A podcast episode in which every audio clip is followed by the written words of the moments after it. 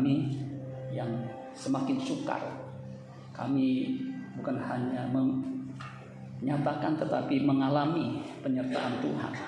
Seperti sudah disaksikan betapa Tuhan baik menyediakan apa yang kami butuhkan.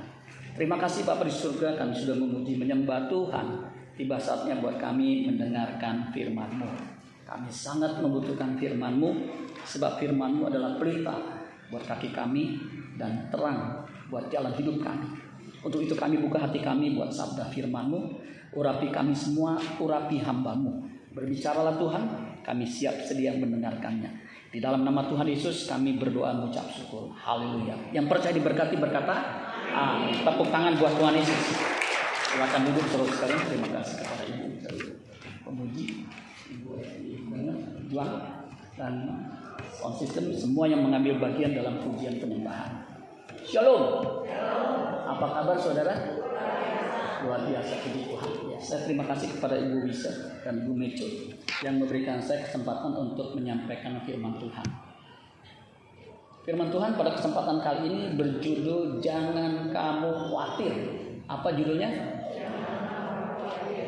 Kalau saya tanya di sini siapa yang tidak pernah khawatir? Saya balik. Siapa yang pernah khawatir? Ya semua saudara ya. Kira-kira menurut saudara apa yang membuat saudara khawatir? Kira-kira apa saudara? Nah, banyak ya. Pertanyaan terakhir. Menurut saudara, yang paling banyak khawatir laki-laki atau perempuan? Kok bener? Menurut penelitian uh, saintis yang dimuat tahun 2013 di jurnal Prosidia Social Behavior Science menyimpulkan jumlah wanita yang cemas memang jauh lebih banyak daripada pria. Jadi kelihatan muka ibu-ibu tuh lebih banyak khawatirnya daripada bapak-bapak. Ya karena ibu-ibu lebih banyak memakai perasaan. Ya. Karena khawatir itu sesungguhnya adalah perasaan. Perasaan apa saudara? Ada yang tahu? Perasaan cemas atau geli gelisah terhadap sesuatu yang belum terjadi.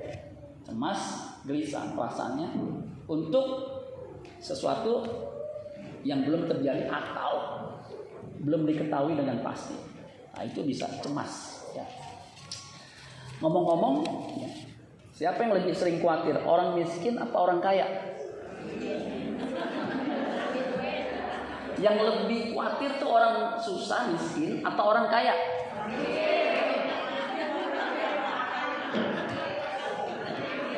Nah, ini belum ada penelitiannya. Ini belum ada penelitiannya. Untuk itu coba saya tes. Yang mengatakan yang lebih banyak orang miskin khawatir angkat tangan. Gak berani saudara ya. Yang mengatakan orang kaya yang paling khawatir angkat tangan. Saya pernah tahu ada orang yang kaya luar biasa. Dia khawatir. Dia khawatir begini nanti harta bendanya termakan sama inflasi. Jadi dia khawatir gimana caranya. Dia khawatir nanti anaknya di luar negeri ada apa-apa. Dia khawatir nanti perusahaannya dia di apa sahamnya dikuasai orang lain. Dia khawatir nanti apa namanya tuh eh, rumahnya dirampok begitu, makanya dia pakai security. Dia khawatir nanti apa tuh uh, pegawainya pada mogok. Jadi banyak khawatirnya. Sedangkan orang susah, dari yang dikhawatirin, saudara.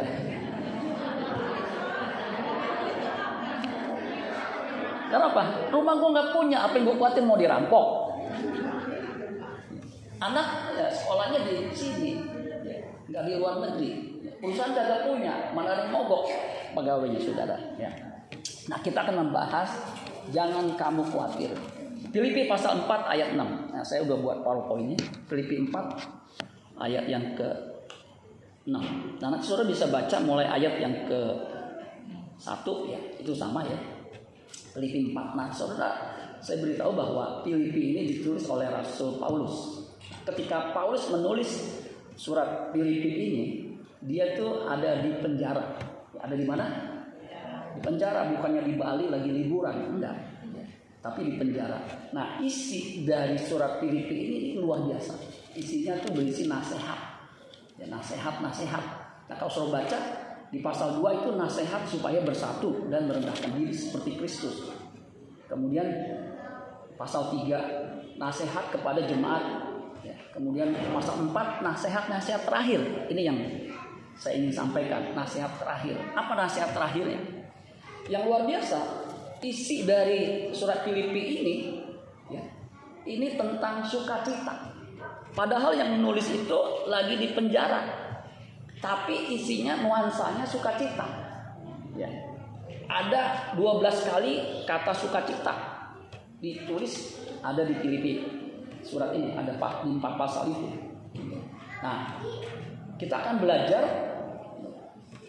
Paulus bicara soal jangan khawatir dan saya percaya Paulus ini belajar dari rasul-rasul yang secara langsung mendengarkan pengajaran Yesus.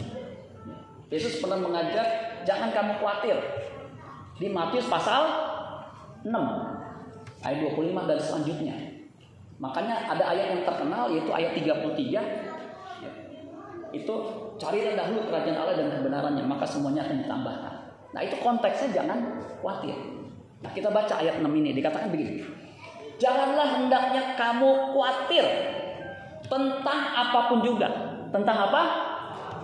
Apa pun karena apa pun itu bisa membuat orang khawatir. Bahkan yang kecil-kecil pun membuat bisa membuat orang khawatir.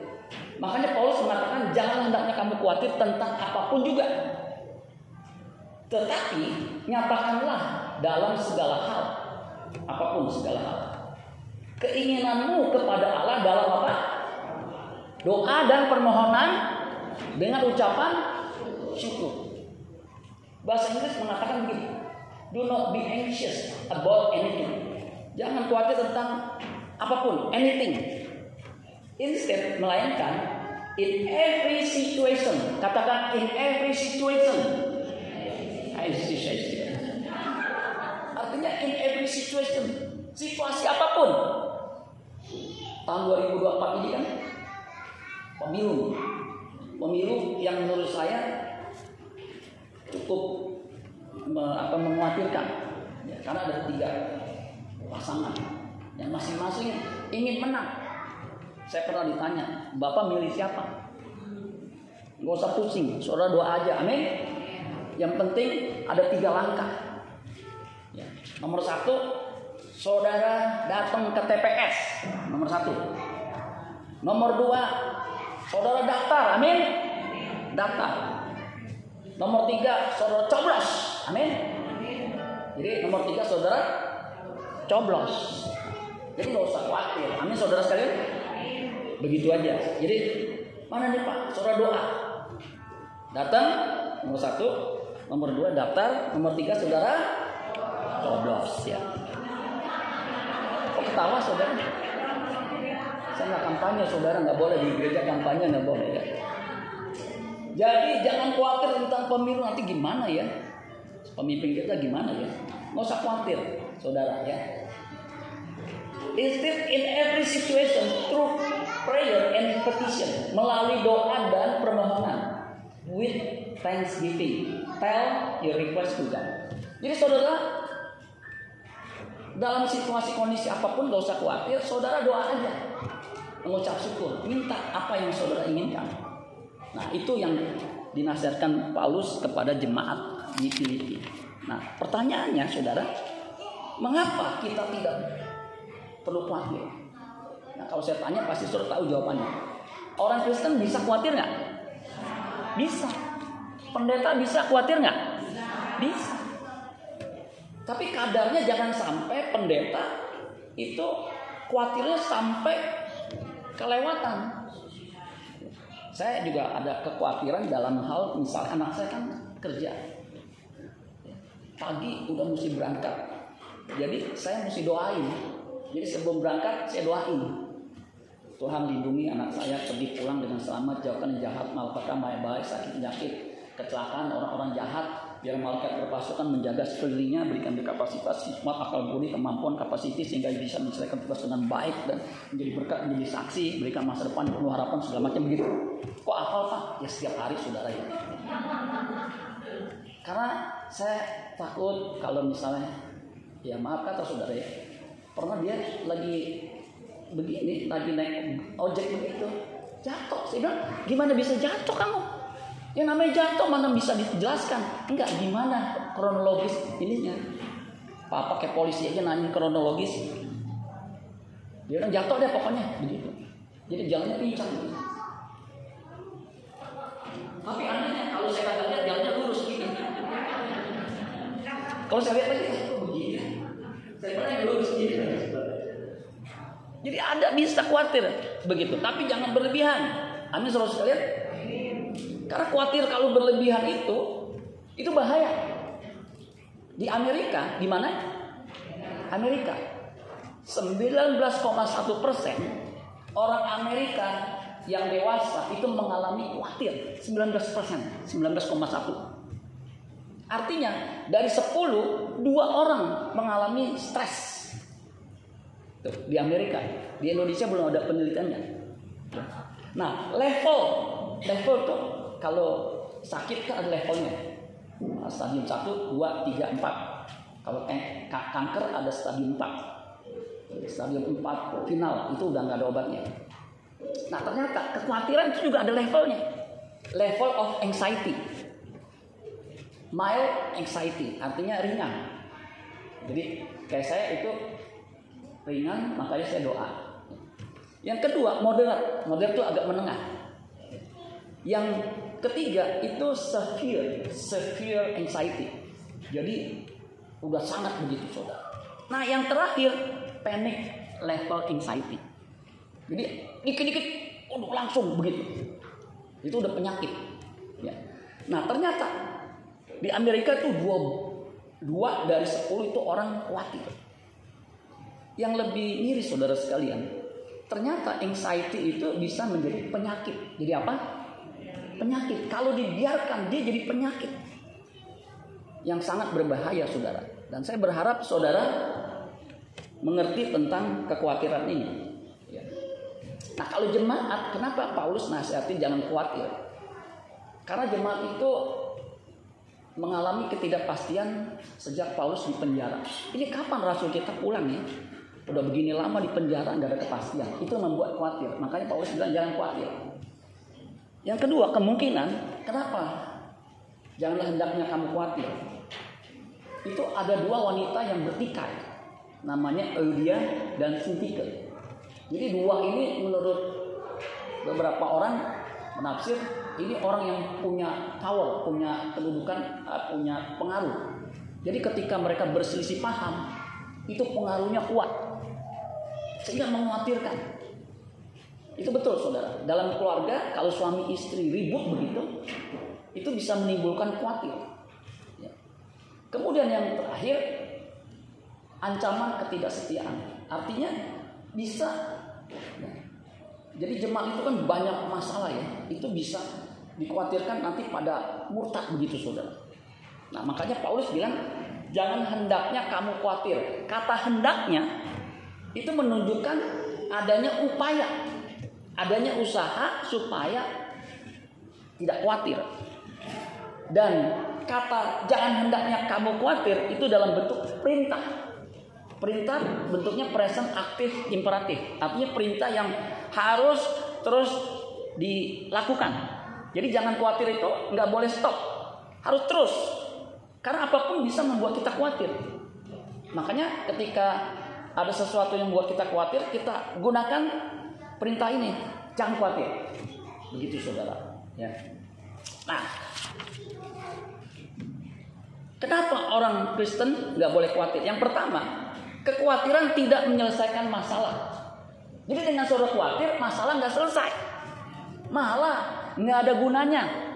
Khawatir itu nggak ada gunanya. Katakan tidak ada gunanya. Nah, bahasa Yunaninya moyum Meme tahu ya moyung artinya ya? Nah, moyung, nggak ada gunanya. Bahkan lebih banyak moderatnya. Moderatnya tuh lebih banyak. Maka Yesus berkata begini, siapakah di antara kamu yang karena kekhawatirannya dapat menambahkan sehasta saja pada jalan hidupnya?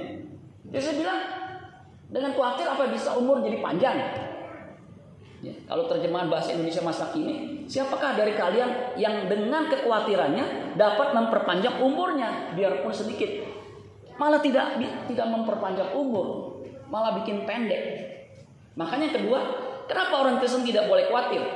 Kekhawatiran bukan saja tidak berguna alias moyung, dia merusak dan menyebabkan berbagai penyakit. Jadi kekhawatiran merusak, menyebabkan penyakit. Kalau Salomo dia seorang ahli botani, ahli uh, tentang binatang, juga dia kemungkinan ngerti tentang medis ini manusia. Makanya dia bilang begini dalam Amsalnya, Amsal 12 ayat 25. Anxiety in the heart of man causes depression. Coba katakan depression. Depresi. Bisa menyebabkan depresi. But a good word makes it glad. Jadi saudara, khawatir itu bisa menyebabkan depresi. Depresi itu stres. Kemudian terus menerus jadi depresi. Dan depresi ini bahaya saudara. Ada seorang anak pendeta besar, dia mengalami depresi. Tahun 2013 itu dia bunuh diri. Ini pendeta besar, dimuat di apa namanya di berita. Ya. Dia commit suicide after long battle with mental illness atau anxiety. Jadi dia tembakkan diri. Cebek, mati itu diumumkan. Nah pendeta ini, kalau saya sebut namanya sudah pasti kenal, itu dunia. Ternyata dia mengalami mental illness, mengalami mental disorder yaitu depresi. Dia mengakui, saya sudah doakan, saya sudah berusaha supaya Matthew, my son, itu bisa keluar dari depresinya, tapi tidak bisa tembak saudara. Bahaya. Jadi bisa bunuh diri saudara. Makanya Yesus bilang begini sama Marta di Lukas 10 ayat 41. Tuhan menjawabnya, Marta, Marta, engkau khawatir dan menyusahkan diri dengan banyak perkara. Jadi khawatir itu bisa menyebabkan susah kita. Nah bahasa Inggrisnya tuh trouble. Trouble itu adalah istilah medis stomach trouble, sakit perut, heart trouble. Jadi kata trouble trouble itu digunakan untuk penyakit. Ternyata suruh sekalian, khawatir itu bisa menyebabkan penyakit. Kekhawatiran dapat membungkukkan orang. Jadi orang khawatir itu bisa bungkuk. Jadi bisa melemahkan tulang-tulangnya. Jadi hati-hati suruh sekalian. Ada satu buku namanya What You Don't Know May Be Killing You. Apa bukunya? What You Don't Know May Be Killing You. Coba bilang, What You Don't Know May Be Killing You. Apa yang Anda tidak tahu mungkin bisa membunuhmu. Itu bukunya. Karangan Don Colbert. Dia bilang begini di dalam bukunya. Ini buku dipakai di sekolah teologi juga. Ketakutan dan kekhawatiran dapat menyebabkan penyakit jantung, penyakit mental, kepanikan, depresi, serangan jantung dan fobia. Jadi saudara sekalian, menurut dokter, ini dokter dokter medis Don Colbert, ketakutan itu jadi sumber penyakit. JJ Dir, JJ Dihir, dia bilang, kekhawatiran kadang-kadang disebut penyakit utama dan musuh utama kaum manusia. Yang manusia katakan amin. Nah, musuhnya itu kekhawatiran. Kekhawatiran itu memproduksi penyakit yang namanya mah. Penyakit apa? Mah dan sakit jantung. Kenapa? Kekhawatiran bisa menyebabkan mah dan sakit jantung. biar dokter menjelaskan. Begini penjelasannya, Bapak dokter bukan saudaranya. Jadi ketika kita khawatir, itu akan memicu, memacu adrenalin. Nah ketika adrenalin bekerja, otomatis jantung memompa darah lebih kuat. Nah kalau jantung memompa darah lebih kuat, paru-paru mesti ambil nafas oksigen lebih banyak. Makanya selalu lihat orang yang khawatir takut tuh begitu maksudnya. Nah karena ventilasi paru-paru terbuka lebih besar, berkeringat. Maka tangan berkeringat, kepala berkeringat. Kemudian sistem pencernaan mengalami kontraksi. Nah itu yang menyebabkan mah. Ya, untuk apa? Mengatasi adrenalin yang diproduksi itu. Makanya tidak heran ketika orang terus-menerus mengalami kekhawatiran, kena yang namanya mah sama sakit jantung. Gak heran. Sakit jantung itu pembunuh nomor satu. Mah itu saudara, ketika dia mengalami GERD, itu bisa mematikan. Makanya saudara sekalian, jangan khawatir. Amin. Ini penting khotbah ini saudara sekalian. Ciri-ciri orang yang mengalami kelelahan adrenalin itu apa? Kepala pusing. Nggak bisa tidur. Insomnia. Kekebalan tubuh turun. Sudah tahu kekebalan tubuh kalau turun itu virus-virus bakteri masuk kita udah nggak bisa melawan karena kekebalan tubuhnya turun. Jadi pendek kata kekhawatiran itu melumpuhkan fungsi fisik dan emosi kita. Kekhawatiran menggerogoti tubuh dan jiwa kita. Luar biasa kan. Jadi kekhawatiran itu sumber utama penyakit manusia. Makanya Paulus bilang, jangan hendaknya kamu khawatir. Amin. Karena penyakit khas zaman now ini adalah mah dan jantung. Tadi waktu saya makan siang ya, istri saya bilang, dokter gigi saya mati. Saya bilang, yang itu bukan. Iya. Bukannya lebih mudah dari kita. Iya. Beberapa hari sebelumnya nanganin teman istri saya. Ngobrol-ngobrol. Saya mau pensiunnya jadi dokter gigi. Begitu dokter gigi bisa pensiun juga ya. Karena kalau udah nggak kuat nyabut, itu kan nyabut kadang-kadang agak susah ya. Kalau udah tua susah nyabut gigi saudara. Eh, ada berita meninggal. Katanya sih masuk angin. Tapi biasanya masuk angin kemudian meninggal disebut angin angin duduk. Jadi angin masuk dia duduk, dia diem aja menembak. Kemudian roh orang itu malah ditendang keluar dia duduk di situ meninggal saudara jadi khawatir kekhawatiran itu merusak menyebabkan penyakit yang ketiga kekhawatiran yang dikhawatirkan umumnya tidak terjadi ada seorang penerjun payung dia khawatir kalau dia terjun payung payungnya itu enggak terbuka sehingga dia takut ininya patah apa namanya uh, panggulnya, rusuknya kan jatuh begitu ya, ketinggian pak. Tapi aneh, sampai dia berhenti jadi penerjun payung, nggak pernah ngalamin parasutnya itu nggak berkembang. Begitu, udah sekian kali ya, puluhan atau mungkin ratusan kali dia terjun payung nggak ngalamin. Artinya apa? Yang dia khawatirkan nggak terjadi. Eh, ketika di dapur kepleset, tuh rusuknya patah. Tuh saudara, yang dikhawatirkan nggak terjadi. Eh di kamar di apa di dapur mungkin ada air di ke kepleset. Saya dulu ya jujur. Boleh nggak saya jujur? Waktu saya full time, saya khawatirnya begini. Waktu income saya turun, nanti istri saya bilang, ya ini laki gua, income cuma segini. Kalau pendeta baru kan jarang yang ngundang, gitu nggak saudara? Yang undang paling kalau ada yang sakit. Udah parah baru undang saya sakit.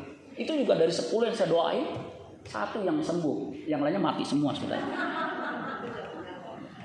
Jadi saya terkena pendeta menyebut nyawanya. Jadi penghasilan saya turun, saya takut apa? Itu tuh suka ada ada uang abang di sayang, nggak ada uang abang di ditendang sampai melayang ke mana? Sampai ke tanah abang. Jadi saya khawatir nih nanti dia bisa berubah aduh matang deh Itu yang saya khawatir. Saya doa Tuhan jangan sampai istri saya merendahkan saya. Karena gaji saya kan udah lebih besar jauh daripada dia. Saya udah asisten Pak Presiden. Itu yang saya khawatirin. Tapi puji Tuhan. Udah 20 tahun saya full time. Dia nggak bilang, laki kagak berguna, gaji cuma segini. Saudara puji Tuhan. Sekarang kan sama-sama pensiun, ya sama-sama kagak punya duit saudara. Punya saudara ya. Jadi itu nggak nggak terjadi. Jadi apa yang saya khawatirkan nggak terjadi. Saya nggak ditendang sampai ke tanah abang. Ya, puji Tuhan, syukur alhamdulillah saudara punya istri seperti ini. Ada istri kan begitu. Kalau lakinya bapak duit ya disayang. Papa mau makan apa? Nanti mama masakin. Enggak, ini gaji. Terima kasih mama ya apa ya? Tuh. Gila suaminya kagak punya duit. Waduh, apalagi suaminya nggak punya duit, nganggur, batuk-batuk. Lihat suaminya, lu kerja lu kerja lu. Lu mau gue tukar sama panci itu. Saudara, suaminya sakit mungkin ya. Jangan hormati, amin saudara sekalian. Supaya dia jangan cepat mati. Sebab kalau laki itu disentuh pride-nya, dia nggak bisa ngelawan, makan dalam. Nanti tiba-tiba paru-parunya angus. Kenapa? Makan, makan dalam. Kekhawatiran bertentangan dengan iman, itu yang keempat. Jadi khawatir itu sebenarnya berlawanan dengan iman. Matius 6 ayat 30. Jadi jika demikian Allah mendandani rumput di ladang yang hari ini ada dan besok dibuang ke dalam mana tuh? Ke dalam api, tidakkah ia akan terlebih lagi mendandani kamu? Hai orang yang kurang percaya. Jadi saudara kalau khawatir itu sama dengan ini nggak percaya. Paulus tuh orang yang namanya disebut anxiety free life. Coba katakan anxiety free life. Anxiety free life itu hidup yang bebas dari rasa khawatir. Nah, saudara harus mencapai hidup yang bebas dari rasa khawatir. Amin. Karena hidup cuma 70 tahun, 80 tahun. Kalau saudara khawatir, belum sampai 70 tahun. Angus paru-paru. Jadi nasihat Paulus ini betul-betul nasihat yang praktis. Dan juga kita harus tangkap. Karena juga ini pengajaran Yesus. Matius 6 ayat 30 ini kan pengajaran Yesus. Di mana ayat 33-nya carilah dahulu kerajaan Allah dan kebenarannya, maka semuanya akan ditambahkan. Jadi Tuhan akan menambahkan. Tadi kesaksian Ibu Uca itu betul. Saya udah dengar karena dia udah saksikan bersama dengan Pak Agus. Saya juga ngalamin saudara sekalian. Ketika kami udah pensiun, anak saya kan masih kuliah. Kuliahnya kan lumayan di universitas yang lumayan. Jadi bayar kuliahnya dari mana? Dari mana saudara? Dari mana kira-kira? Dari bunga bank? Enggak. Saya, misi saya nggak keluar sepeser pun, nggak keluarin dari bunga bank dari ini nggak ada. Soalnya nggak dari mana? Pas saya evaluasi, aneh ya. Istri kan dapat saham tuh ya, BCA. Jadi dia jualin ketika sahamnya naik dan itu pas ketika tagihan semester datang. Mah, bayar nih mah 12 juta. Jual aja itu. Terus mah ini ada uang ini, ya jual aja begitu. Habis dong pak. Anehnya ini aneh makanya saudara ya. Saya bilang luar biasa ya. Anak saya selesai. Saya pikir udah habis tadi uangnya. Dia bilang sama istri saya. Istri saya bilang sama saya. Wah nambah lima kali lipat. Aneh ya. Kenapa saudara? Karena dalam saham itu ada istilah stock split. Satu saham di split, dipecah, bisa jadi lima. Kemarin ada yang ngirimin laporan, saya wih puji Tuhan, udah dipakai hampir 100 juta kali saudara ya. Enggak berkurang, malah bertambah. Tepuk tangan buat Tuhan Yesus. Nggak usah khawatir, amin. Asal cari Tuhan, amin. Makanya saudara sekali, ini kan contoh hidup. Ibu contoh hidup. Saya contoh hidup, belum mati saudara. Ini jelas begitu. Makanya cari Tuhan dan nggak ada salahnya. Tuhan bisa cukupi. Amin saudara sekalian. Jadi ada empat. Kita nggak boleh khawatir. Yang pertama tidak menyelesaikan masalah khawatir. Yang kedua, kekhawatiran merusak menyebabkan penyakit. Yang dikhawatirkan umumnya nggak terjadi. Nggak usah khawatir, nggak terjadi. Dulu ya, 2023 itu disebut tahun yang tidak pernah terjadi, yang bisa menggoncangkan dunia. Saya waktu dengar begitu, saudara sekalian, basi. Buktinya apa? Kita bisa lewati. Amin, saudara sekalian. Saudara bisa lewati. Amin, saudara sekalian. Jadi nggak usah khawatir. Nanti tahun 2024 nih kan presiden baru. Nggak usah khawatir. Amin. Ya, siapa pun presidennya tidak akan jadi masalah buat kita yang cari Tuhan dan kerajaannya. Kekhawatiran bertentangan dengan iman. Makanya saudara tingkatkan iman saudara. Ya. Kenali Allah yang kita sembah. Sekarang bagaimana mengatasi kekhawatiran? Ada istilah dalam kedokteran itu namanya antidot. Coba katakan antidot. Antidot dari kata anti, lawan. Dot itu ya istilahnya tuh antidot, lawan dari untuk mengatasi sakit. Itu antidot, penangkal. Ya kalau kena gigit ular ada bisanya, nah itu dikasih antidot, penangkalnya supaya bisanya itu tidak menyebar dan menyebabkan kematian. Nah sama kekhawatiran tadi kan saya bilang bahaya sumber penyakit. Nah apa antidotnya, penangkalnya, penawarnya, pencegahnya? Berdoa dan bersyukur. Janganlah hendaknya kamu khawatir tentang apa pun juga, tetapi nyatakanlah dalam segala hal keinginanmu kepada Allah dalam doa dan permohonan dengan ucapan syukur. Jadi saudara mesti belajar berdoa, senantiasa berdoa dan bersyukur. Senantiasa. Maka ada ayat itu di mana ya? ya? Mengucap syukurlah senantiasa. Bukan Senin Selasa. Tapi senan senantiasa. Kenapa? Mengucap syukurlah senantiasa. Mengucap syukurlah dalam segala hal. Karena itu yang Tuhan kehendaki. Amin kan? Nah, jadi untuk menangkal, menawar kekhawatiran antidotnya berdoa dan mengucap syukur. Makanya kalau sudah khawatir doa. Ya, mengucap syukur Tuhan terima kasih. Kata bersyukur itu dari kata Yunaninya eukaristia Artinya thanks, thankfulness, gratitude, giving of thanks, thanksgiving. Nah, kalau di Amerika ada hari yang disebut Thanksgiving Day, hari mengucap syukur. Jadi diajari untuk mengucap syukur. Jadi saudara sekalian mengucap syukur itu secara ya etimologi eukaristos. Etimologi itu artinya ilmu tentang kata. Eukaristos itu dari dua kata. Eu, eu itu baik. Misalnya eu angelion, angelion itu kabar, eu itu baik. Good, tepat, perfect. Karisomai itu artinya to do something pleasant or agreeable to someone. Jadi sesuatu yang kita kerjakan yang menyenangkan atau yang menyukakan seseorang. Jadi ketika kita mengucap syukur itu seperti pemberian yang membuat orang yang di hadapan kita itu senang. Jadi secara harafiah kata eukaristia, ya karisoma itu dari kata karis, gift atau grace. Eukaristia secara hurufiah arti letternya begitu. Pemberian yang baik kepada Allah. Jadi ketika saudara mengucap syukur itu pemberian yang baik. Amin saudara sekalian. Makanya belajar senantiasa mengucap syukur karena itu pemberian. Saudara mungkin nggak bisa memberi uang banyak ke pekerjaan Tuhan.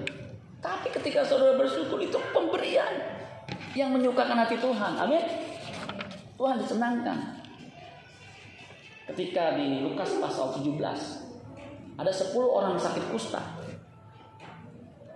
Berteriak sama Yesus. Tolong sembuhkan kami.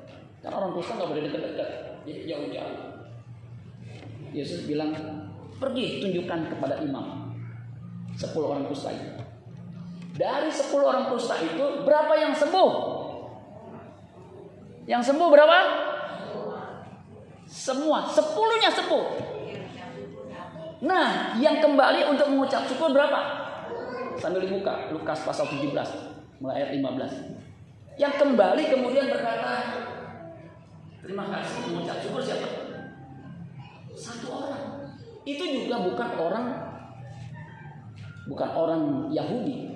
Seorang dari mereka dari sepuluh ketika melihat bahwa ia setelah sembuh kembali sambil memuliakan Allah dengan suara nyaring. Lalu tersungkur di depan kaki Yesus dan mengucap syukur kepadanya. Orang itu adalah seorang bukan seorang kapiten, seorang Samaria. Makanya Yesus bilang begini. Lalu Yesus berkata, bukankah ke sepuluh orang tadi semuanya telah menjadi akhir? Itu pertanyaan retorika karena kenyataannya semuanya kan sembuh. Di manakah yang sembilan orang itu? Yang sembilan ke mana saudara? Ke mana? City Plaza. Enggak tahu yang sembilan itu ke mana. Tidak adakah di antara mereka yang kembali untuk memuliakan Allah selain daripada orang asing ini? Si orang Samaria itu. Lalu ia berkata kepada orang itu, berdirilah dan pergilah. Imanmu telah menyelamatkan. Jadi dia bukan hanya disembuhkan fisiknya, tetapi jiwanya disembuhkan ketika dia mengucap syukur. Makanya kalau saya boleh simpulkan, boleh nggak saya simpulkan? Satu-satunya cara melenyapkan kekhawatiran adalah berdoa dan bersyukur. Karena waktu kita berdoa dan bersyukur, damai sejahtera Allah mengawal hati dan pikiran kita. Ayat tujuhnya tuh. Filipi 4 ayat tujuhnya. Damai sejahtera Allah yang melampaui segala akal akan memelihara hati dan pikiranmu dalam Kristus Yesus. Jadi ketika kita mengucap syukur, pikiran kita itu dipenuhi damai sejahtera. Orang yang pikiran damai sejahtera, dia bisa berpikir dengan baik, berpikir jernih, mengambil keputusan make sense, rasional. Nggak asal keputusannya aja. Begitu salah lagi. Ya. Waktu kita berdoa dan bersyukur, Allah akan menguatkan kita untuk melakukan segala perkara yang Dia inginkan dari kita. Jadi waktu kita mengucap syukur, itu ada kekuatan. Amin saudara sekalian. Makanya di Filipi 4 ayat 13 Coba bilang di F. Pencet di F. Itu dikatakan ya Filipi 4 ayat 13. Ya. Itu ada lagunya. Pencet. 13. Cung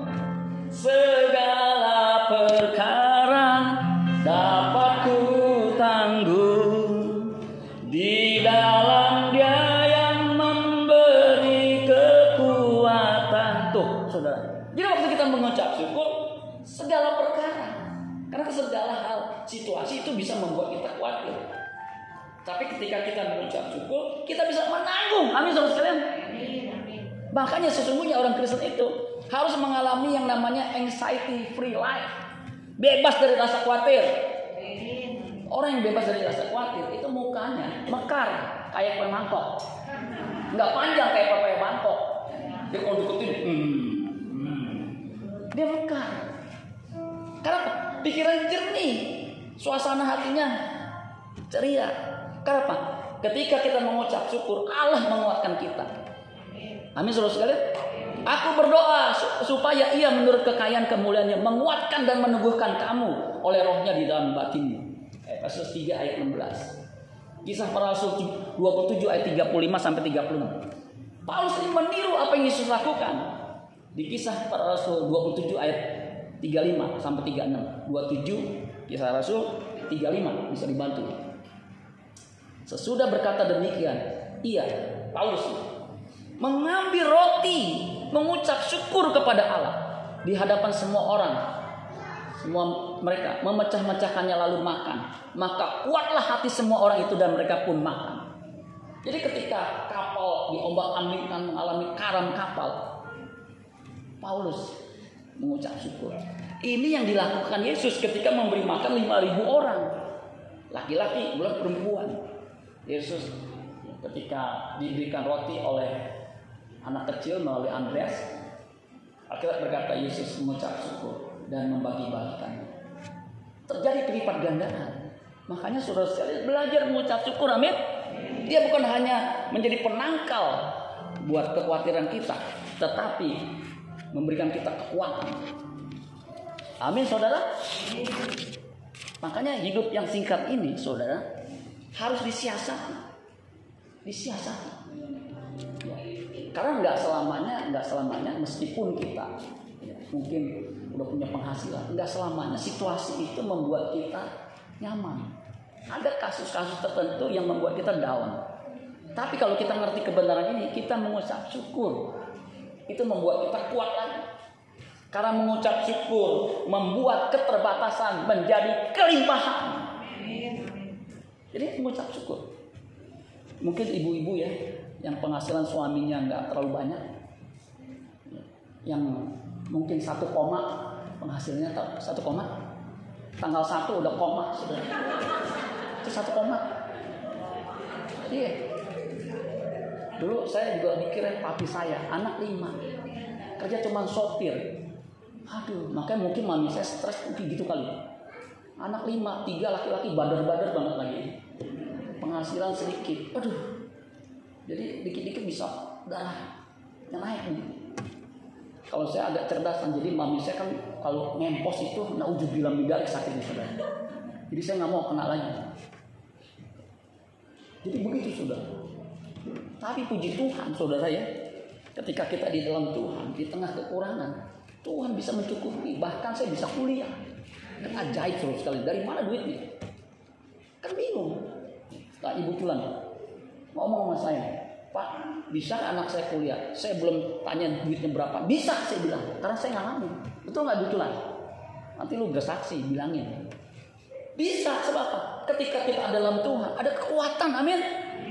Yang terakhir, waktu kita berdoa mengucap syukur, kita menerima rahmat kasih karunia dan pertolongan pada waktunya. Ibrani 4 ayat 16. Sebab itu marilah kita dengan penuh keberanian menghampiri tahta kasih karunia supaya kita menerima rahmat dan menemukan kasih karunia untuk mendapat pertolongan kita pada waktunya. Pada waktunya Tuhan tolong. Makanya seorang bernama Mariana Williamson berkata, Gratitude is an opener of lock up blessing. Mengucap syukur itu seperti pembuka blessing yang terkunci. Jadi ketika blessing berkat terkunci, ketika kita mengucap syukur dibuka. Saudara, luar biasa kan? Makanya nuansa Filipi, Efesus, Paulus mengucap syukur, mengucap syukur. Karena ketika kita mengucap syukur, emosi kita jadi sehat. Amin selesai. Emosi sehat, nggak mudah ngambek, nggak mudah sakit hati. Riset ilmiah dari Kasdan Uswet Julian tahun 2006 menyimpulkan mereka yang mudah bersyukur level stresnya lebih rendah dibandingkan mereka yang banyak mengeluh. Tadi kan penyakit khawatir itu, stres itu ada levelnya. Tapi ketika kita mengucap syukur, levelnya rendah. Isaac Walton mengatakan Tuhan hanya berdiam di dua tempat. Di surga dan di hati orang yang tahu bersyukur. Makanya mengucap syukur dalam segala hal. Sebab itulah yang dikehendaki Tuhan. Tepuk tangan buat Tuhan Yesus. Gunung-gunung apa yang selalu bersyukur? Thank you Ban Perahu. Thank you. Thank you Ban Perahu. Saya undang kita bangkit berdiri sekalian.